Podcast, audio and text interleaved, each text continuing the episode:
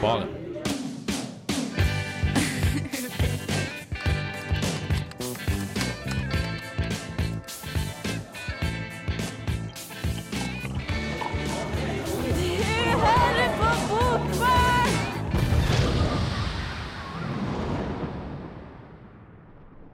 Hei, hei, og hjertelig velkommen til Bokbaren. I, på Radio Revolt. I Bokbaren i kveld så har vi ei sending som jeg gleder meg ganske mye til, egentlig. For i tillegg til eh, min faste medprogramleder Siri, Hei. hei, hei, så har vi òg spesielt og storfint besøk, nemlig av en ja, hva kaller det, en eh, undergrunnspoet, kan vi kalle det? Bjørn Jansen. Ja, undergrunnspoet eh, var jo litt, uh, Litt å ta i. litt å ta i, kanskje, men eh, Du, du, jo, driver, kanskje er det. Ja. du driver i hvert fall med, med skriving og, og lyrikk, da. ja, jeg gjør det. Ja. Eh, ikke bare lyrikk, da, men jeg skriver også prøver å skrive litt lengre ting også. Men eh, det har blitt veldig mye dikt, ja. Tenkte vi kunne begynne å snakke litt om poesien i seg sjøl. Altså lyrikk da, eller poesi, det er jo egentlig ord for det samme. Men det er jo en sjanger som Jeg vet ikke, jeg tror kanskje for mange så kommer på en måte interessen for romaner og lengre tekster først. da. I hvert fall var det sånn for meg, så har poesien kommet seinere, da. Hvordan har det vært for deg, Siri? Jeg tror eh, For meg så gjelder det litt fortsatt. Altså, jeg er glad i noe poesi, men det er veldig sjelden jeg setter meg ned og, og leser det. Jeg er veldig glad i å få det opplest, for det poesien er jo egentlig skrevet til. For, for å si det med Bibelen, da. Eh, I begynnelsen var lyrespillet. Så poesien var jo i, i prinsipp innledningsvis, eller først, eh, tonesatt eh, og framført til musikk. Da. Så det, og mye av de litterære virkemidlene som de bruker, som rytmikk og, og metrikk, er jo laga for at det skal leses opp. Så jeg er veldig glad i å få det servert eh, med da, rett og Mm. slett. Ja, det ene og det nå synes jeg er veldig interessant. og er koblinga mellom nettopp eh, musikk, rytme, framføring og nettopp poesi. da. Eh, hvordan Bjørn, hvordan er ditt eh, forhold til mm, forholdet mellom poesi og lengre tekster som romaner og sånn? Altså, jeg, jeg begynte med å lese romaner. Eh, men så eh, gikk jeg på folkehøgskole, Buskerud folkehøgskole da jeg var 17 år. Og da begynte vi å lese dikt. Eh, og da fikk jeg interessen for, eh, for dikt. Og, og det, eh, det var der jeg oppdaga Jan Erik Vold. Mm. Eh, og så et par år etterpå så var det et eller annet som løsna, og så begynte jeg å skrive dikt sjøl. Mm. Og Jan Erik Vold har jo gjort nettopp det som du snakka om, tidligere, med å koble sammen musikk og lyrikk. da, Med jazz, eh, jazzband og, Ja. og framføring. Så det tror jeg har vært en døråpner for mange i Norge, i hvert fall. Um, vi skal prate mer med og om eh, deg, Bjørn, men uh, vi tenkte kanskje først at du kan uh, Du er kjent som en veldig god oppleser eller framfører, så jeg tenkte kanskje du kan starte med et, eh, at du leser opp et eh, dikt. Ja, jeg har vært med på en del sånne poesislam-opplegg, og da har jeg, da har jeg tatt et dikt som heter for En simpel fyr. Mannen som ikke ville gå, hoppa fra fjerde etasjen. Det viste seg å bli en skjebnesvanger avgjørelse, og hun ropte han var en simpel fyr.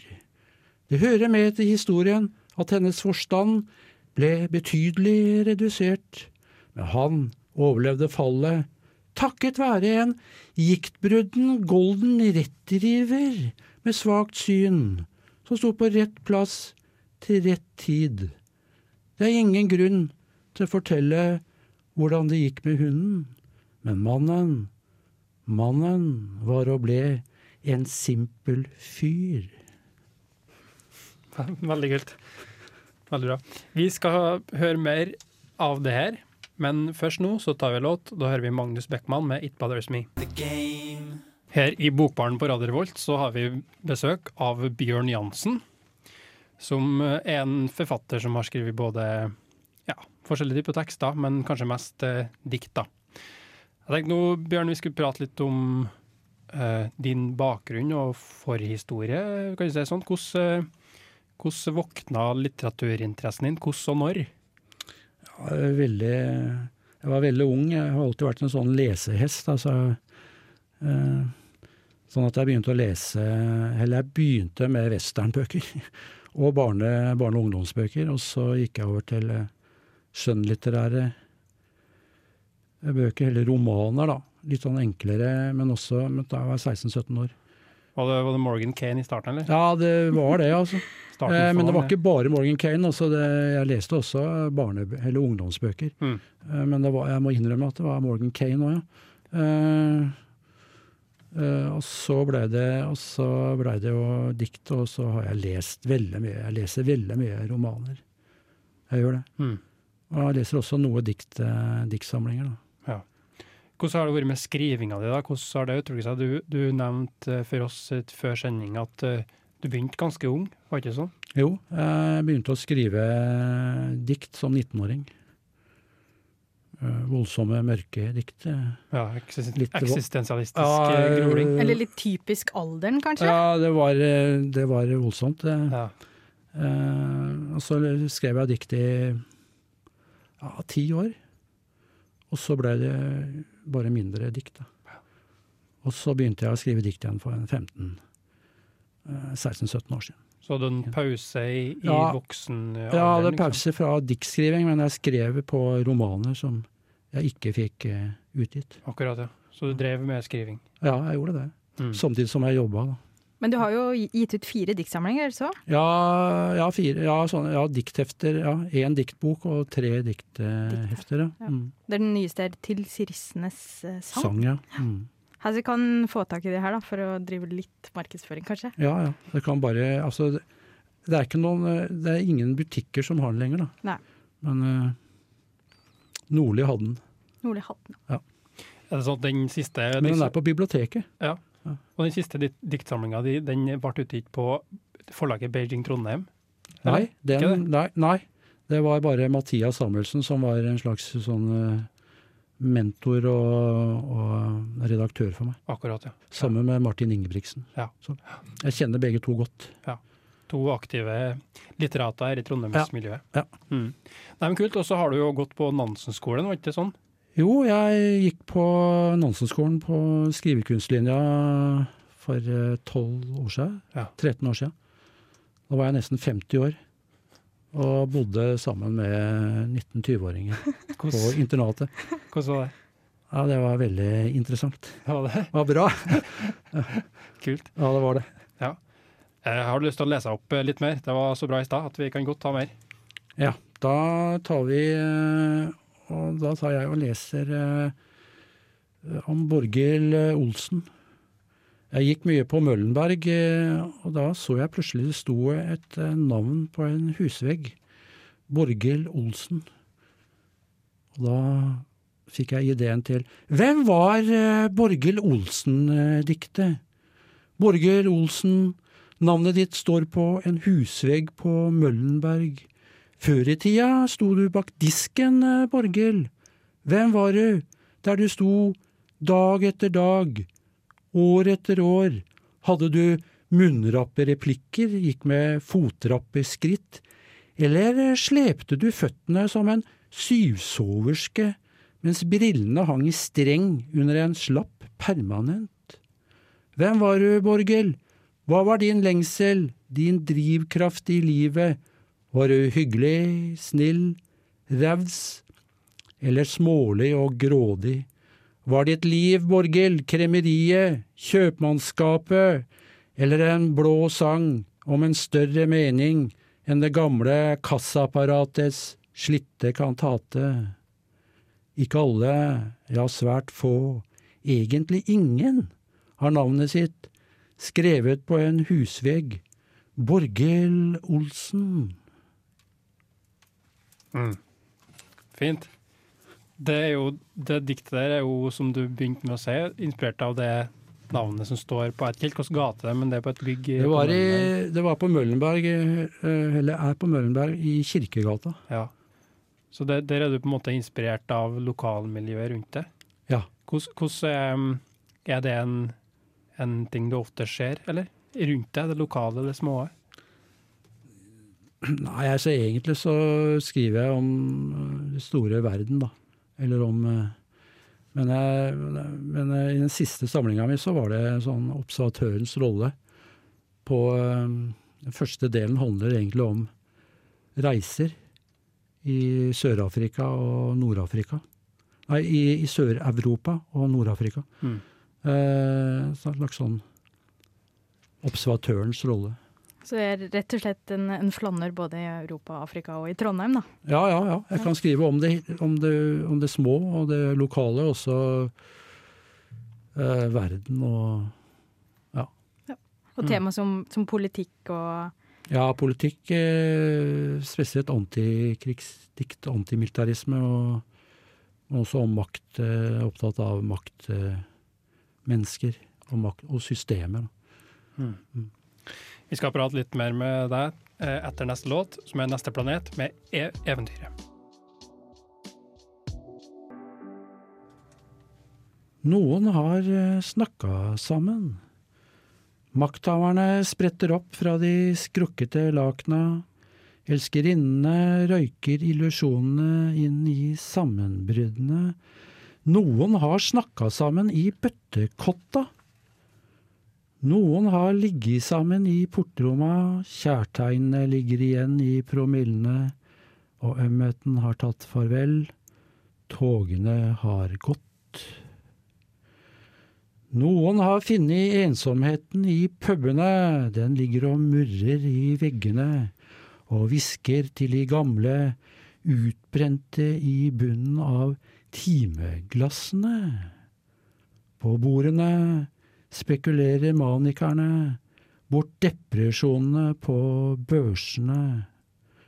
Noen har visstnok snakka sammen. Dette kan jo sies å være en av de andre poesislam-favorittene fra i høst. For det er vel flere av lytterne våre òg, tror jeg, som, som var av gårde i høst. da noen har snakka sammen. Men det, du fortalte oss litt i, i pausen nå, Bjørn, om her, her, som var opphavet til det diktet her. Ja. Eh, det jeg tok egentlig utgangspunkt i, det var eh, et begrep som, var, var, eh, som har vært kjent lenge, da, men som var kanskje spesielt på 60-tallet, eller 50-60-tallet med Einar Gerhardsen. og da var, Der gikk det jo da var det noen som eh, hadde snakka sammen eh, før beslutningene ble tatt. da. Så var det noen som vitsa med at de var så få at eh, de fikk plass i et bøttekott. Og det tok jeg da utgangspunkt i. Og så Og eh, kritikken min er jo ikke bare mot Arbeiderpartiet, men mot, også mot maktsentralisering. Hmm. Jeg tenker du har en ganske Også børsene. Ja. ja. Jeg tenker du har en ganske spesiell måte å lese på. Uh, ganske særegen. Hvordan, uh, hvordan, utvikler man eh, en stil, tenker du?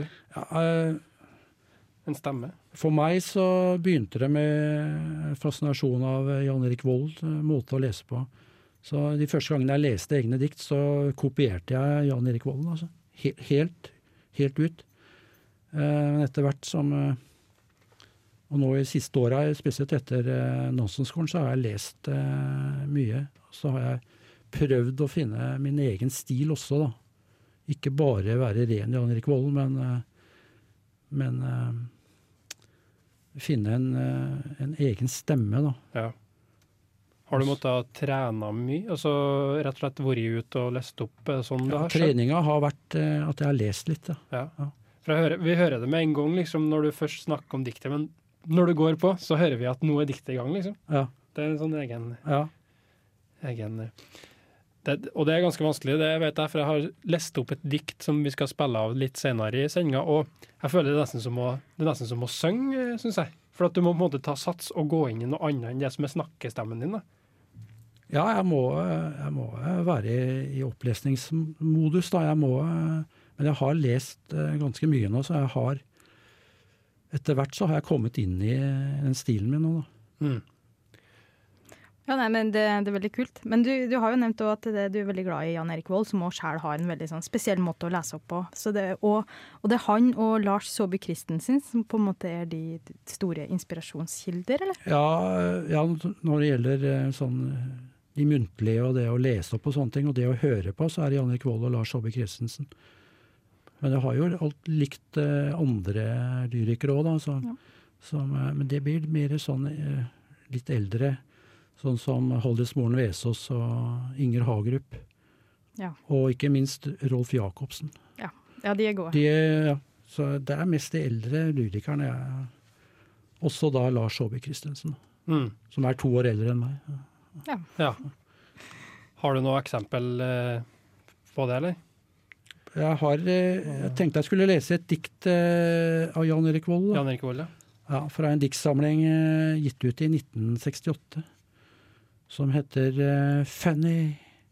Tenk at jeg er født, hvor urimelig det er at jeg skulle bli født. Jeg, født i Oslo den 18. oktober 1939 etter Kristus, på Vår Frues hospital. Jeg, født som gutt, veiende 4100 gram, sunn og frisk, født medio oktober, visstnok på en onsdag, altså unnfanget i januar bør det bli, at det ble jeg som ble født, jeg som ble unnfanget da, min sædcelle som fant veien fram og var først, eller den foretrukne, om nå eggcellen, min eggcelle, hadde noe valg. Det er da til den rene usannsynlighet grensende at det var jeg, nettopp jeg og ingen annen enn jeg, det skulle nedlegges grunnstein for der og da.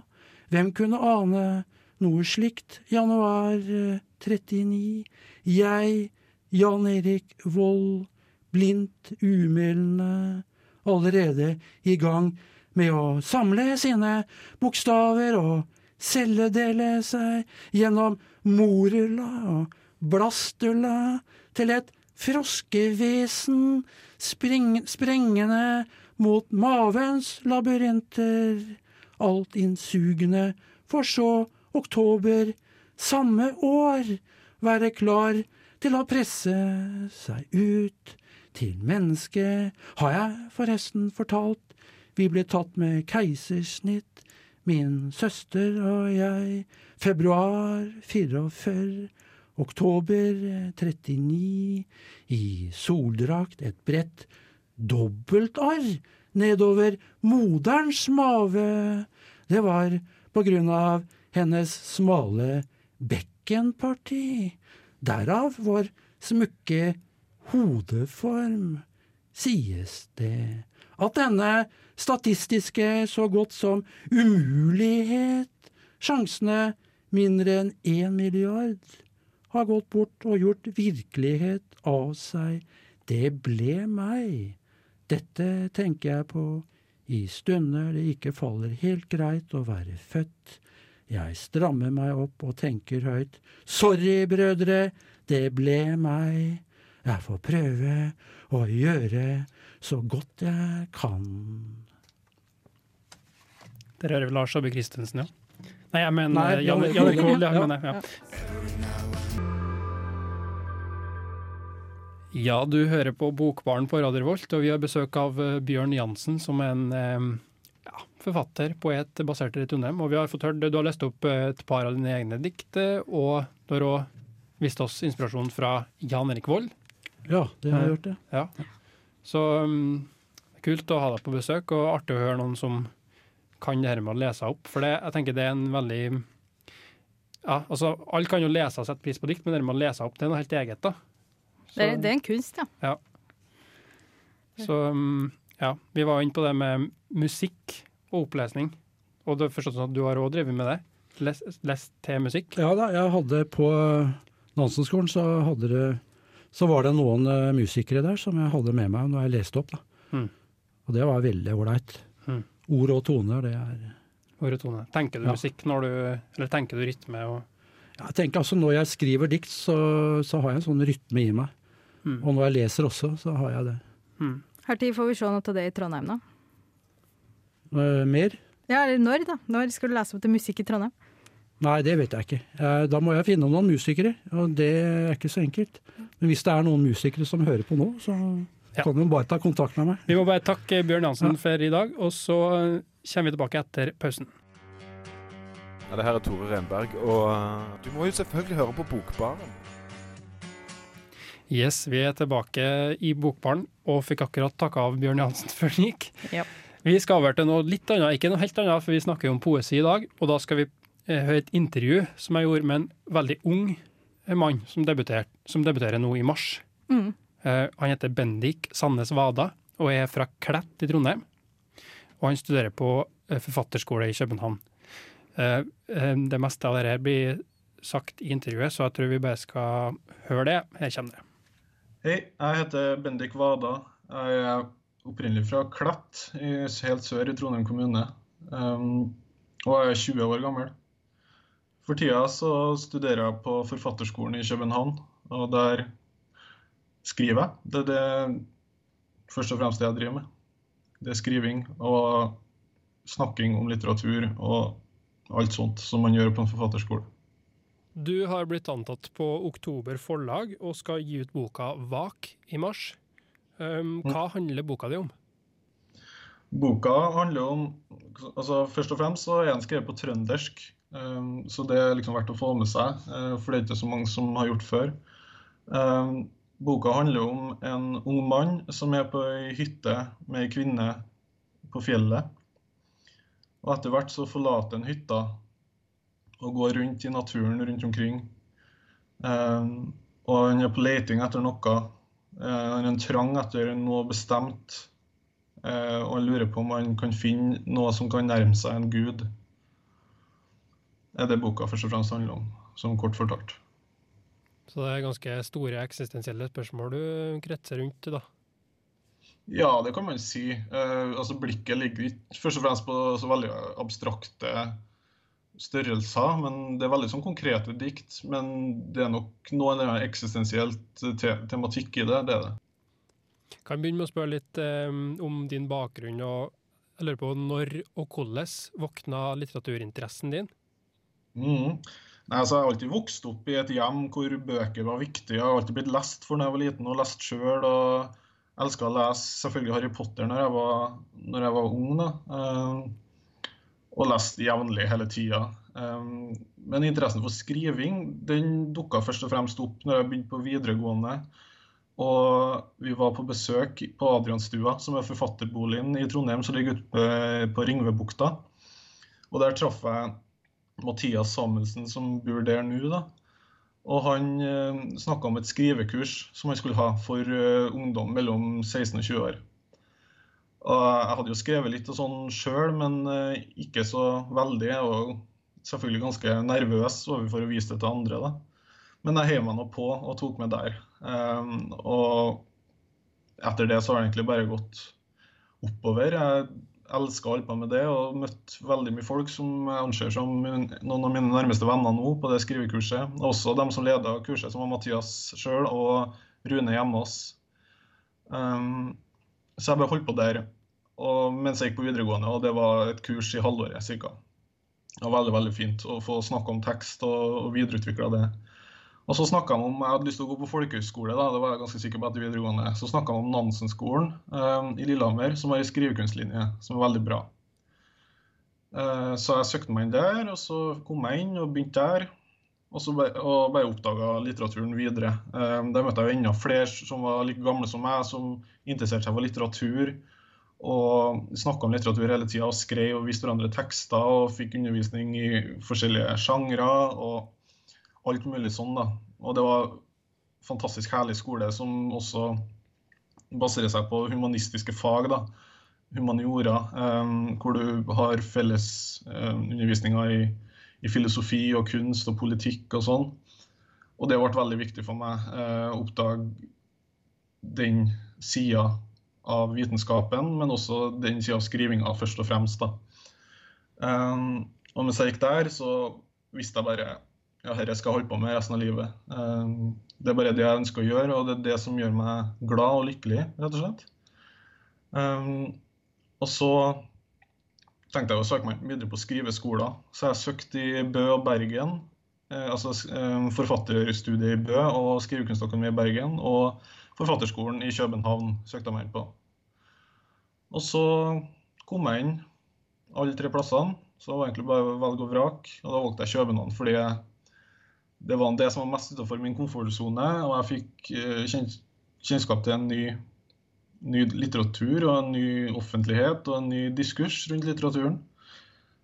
Så jeg valgte det, da, og begynte der. Ja. Det var noe jeg tenkte å spørre deg om eh, videre. Forskjellen mm. mellom eh, miljøet i København, da, det danske litteraturklimaet og miljøet der, og mm. det i Norge. Om du merker noe forskjell på det, eller om det er noe annerledes? Altså, Det er veldig likt. Det, det, er liksom Nordisk litteratur kan ses under ett. Altså. Det er små forskjeller som man merker når man eh, er veldig tett på det. Det er ikke noe sånn åpenbare forskjeller egentlig hvis man ser på det i et europeisk eller internasjonalt uh, blikk. Men det som er størst forskjell, er at det er mye mer som skjer i København enn i noen andre norske byer. Det er alltid, hver dag, et eller annet litteraturarrangement å gå på flere plasser, eller kunst, eller alt mulig. da. Og det er mye mer fremtredende i media, ikke minst. Det er mye flere saker om litteratur, mye flere anmeldelser. Mye mer diskusjoner og debatter rundt det. Så det står mye mer sterkere. Og det merkes veldig godt da, at eh, enkelte um, forfattere er superstjerner her og får veldig mye medieomtale og spalteplass, ikke minst når de vil fortelle noe, eller skrive noe annet.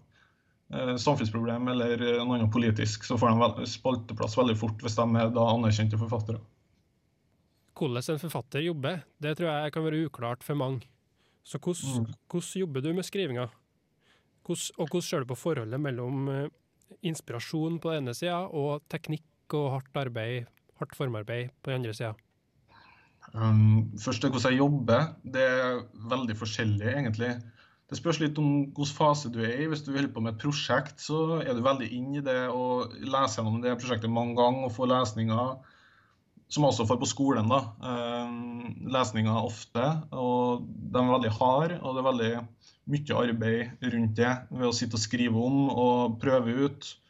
Og skrive videre og prøve å utvikle et prosjekt eventuelt. Men hvis jeg er i en en fase hvor jeg bare skriver uten noe spesielt formål, så er det det, det er veldig forskjellig fra dag til dag. Altså, det kan være eh, at jeg ser, noe, jeg ser en film eller jeg ser noe på gata, så bare skriver jeg den i notatboka. Så kan jeg sitte timevis foran PC-skjermen og prøve å forme noe.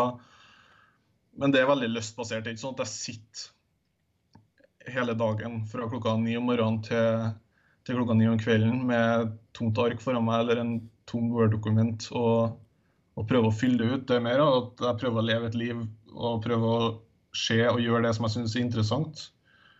Og nettopp derfor at det kan skape et eller annet litterært um, etter hvert. Jeg prøver ikke å tvinge det fram, det skjer mer på en måte av seg sjøl. Er det noen spesiell grunn til at du nå har valgt å skrive innenfor eh, lyrikksjangeren, og har du prøvd andre sjangere? Ja, altså jeg skrev mye med prosa først på Nansen-skolen. Um, og så når vi begynte å snakke om lyrikk og poesi, og sånn, så merka jeg at jeg greide å uttrykke det jeg ville uttrykke, og skrive det jeg ville skrive, mye bedre i, i poesien og i lyrikken. Um, fordi at den var friere, rett og slett formen er mye friere. Du kan, trenger ikke å forholde deg til tale, eh, som prosa gjerne må. For at det etterligner jo talen. Det, jo, det kommer jo fra fortellinga, altså hvordan vi viderefortalt ting før. Eh, mens poesien er mye mer fri i det at jeg kan skrive ord hvor jeg vil på et ark, eller jeg kan skrive hvordan som helst ord uten noen spesielle grammatiske regler, eller i det hele tatt skape noe som setter seg, eh, og som betyr noe på en litt friere måte enn å forholde seg til altfor mange regler. Hvordan har du gått fram for å finne en egen stemme, for å kalle det det, altså en slags eh, originalitet, i skrivinga di? Har du etterligna og imitert andre forfattere, eller har du søkt mot noe du ikke kjenner til ennå? Nei, jeg egentlig ikke prøvd å etterligne forfattere. Jeg har lest mye, og så skjer det ting av seg sjøl, egentlig. Um, det skjedde nok på Nansen-skolen at jeg fant min egen stemme, i hvert fall det som ble boka, for den begynte jeg på når jeg gikk der. Og jeg ville uttrykke noe, og fant det språket etter hvert etter å, å, skrive forskjellige ting og få tilbakemeldinger på det. Og så fant jeg noe som stemte, og som andre likte. Um, det skjer egentlig mer av seg sjøl. Ikke noe at jeg etterprøvde eller prøvde å finne noen fellesnevner i det forskjellige jeg skrev.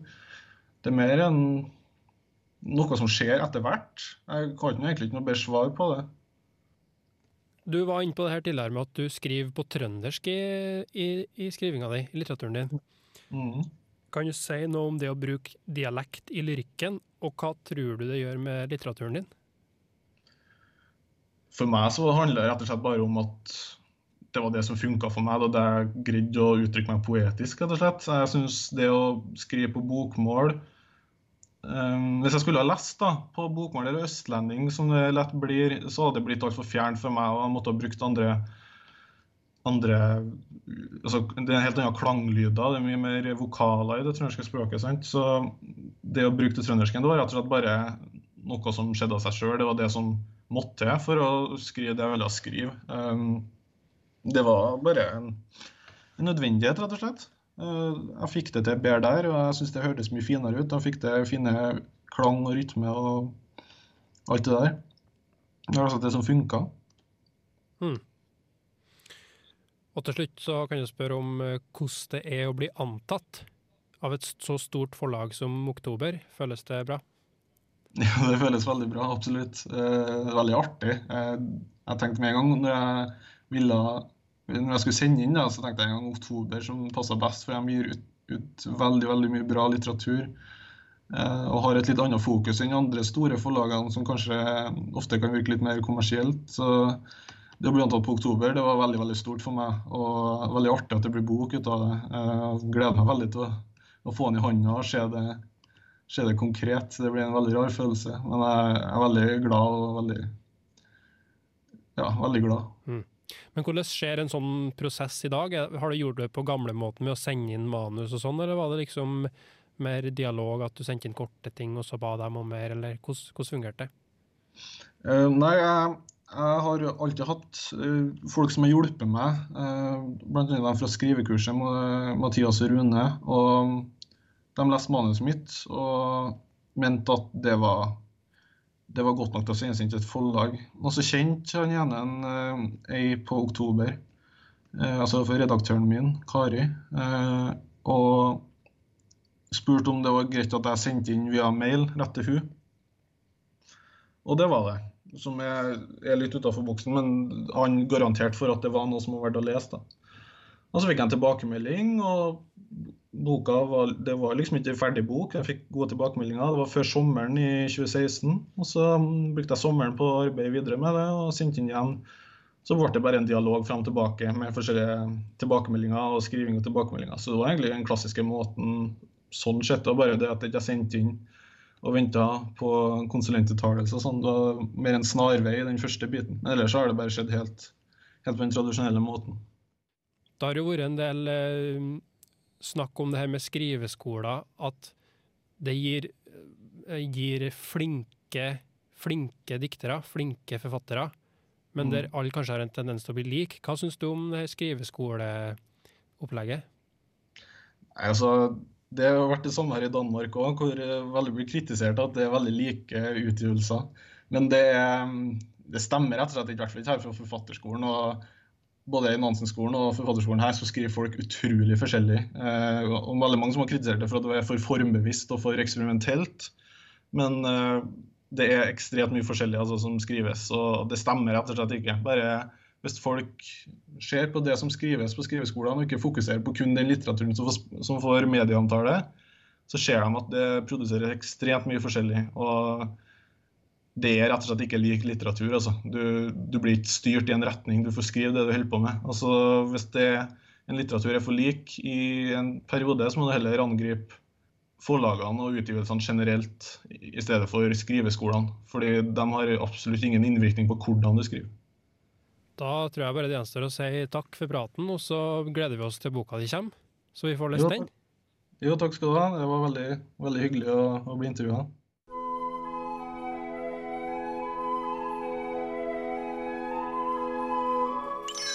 Ukas dikt. Det er riktig. Vi gjenopplever får vi si, en gammel spalter i Bokbaren, Ukas dikt. Det, det gjør vi. Mm. Og i dag så um, har faktisk jeg fått uh, valgt meg et dikt. da. Det hadde seg sånn at uh, jeg lest, drev og leste i en diktsamling av Tove Ditlevsen. Det er en sånn ja, sammenrastning fra forskjellige samlinger, men boka heter, heter 'Pikesinn, kvinnesinn og andre dikt i utvalg'. Ja. Så ut fra den samlinga så har jeg valgt et dikt fra var det 1942 vi fant ut, Siri? Ja. 1942 og samlinga fra Lille verden er den.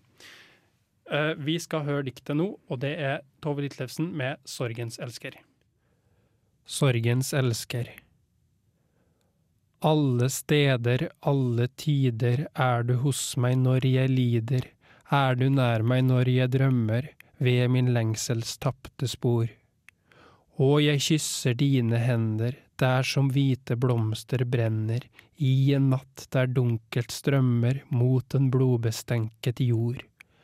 Alle tider, alle steder er du hos meg når jeg greder, er du nær meg når jeg såret, bryter roserne i tu. Og du hvisker og du trøster, sorgen er kun gledens søster, ble deg lidelse beskåret, er du lykkens barn ennu. Men på gledens hvite tinde møtte jeg deg ingensinne, der var tusen ville svaner til at kysse mine sår. Kun i søvnløshetens streder er du hos meg når jeg græder, er du nær meg når jeg aner at mitt liv er lagt i skår. Ja, det var min debut som diktoppleser. Ja. Kanskje litt sakte lest, det ble kommentert i studio, men det ble noe som det ble. Men det diktet her, da, 'Sorgens elsker' fra 1942, hva vil du si om det, Siri? Nei, altså jeg, jeg, tror kanskje ikke at dette her er eh, min type favorittpoesi, da, nettopp fordi jeg syns kanskje det blir litt klisjéfylt. Eh, og du, trak, du, har trukket fram rima som noe, noe av grunnen til at du, du valgte det, men jeg tror at den litt strenge formen er på en måte med å, med å punktere muligheter og potensialet litt, da, for det blir mye sånn klisjéfylte endinger. da. Du syns det blir romantisk eh, klisjé med dødslengsel og kjedelig form, rett og slett? Ja, men det var jo det fint i seg sjøl, da. Ja. Da må jo jeg få parere med at det var noe som Tove Ditlevsen Eller du har jo et poeng, da, for det var noe Tove Ditlevsen ble kritisert for i si samtid òg, da. Her har jeg lest at hun var for tradisjonell. Men jeg tror Eller noe som jeg liker, er nettopp det her på en måte balansegangen mellom det. da, Er det, er det veldig dypt, eller er det veldig grunt? på en måte, Og jeg i hvert fall da finner eh, en dybde i det òg. Jeg liker flere av de diktene i denne samlinga her, da, som òg er litt i samme stil, med fokus på tristesse og sorg. og så hvis man føler seg litt deprimert en dag og trenger litt noen som forstår seg, bare ja, sånn er det. Så, så, kanskje ja, kanskje kan det være noe. Ikke for sånne som Siri, da, som syns det blir for enkelt, rett og slett. Ja. Nei. Vi får høre, kanskje, vi skal jo ha den spalta her flere ganger framover hver uke. Ja, og jeg skal jo være med og velge litt. Det var det jeg skulle si. Ja. Så da får vi se neste uke hvordan det blir da. Ja. Uh, vi er ferdige med Bokbarn for i dag. Vi um, må rette en stor takk til Bjørn Jansen som stakk hjem, men takk uansett. Takk uansett. Og takk til Bendik Wada som stilte opp til intervju. Takk til deg, Siri. Takk til deg, Johannes. Og takk til vår tekniker Rebekka.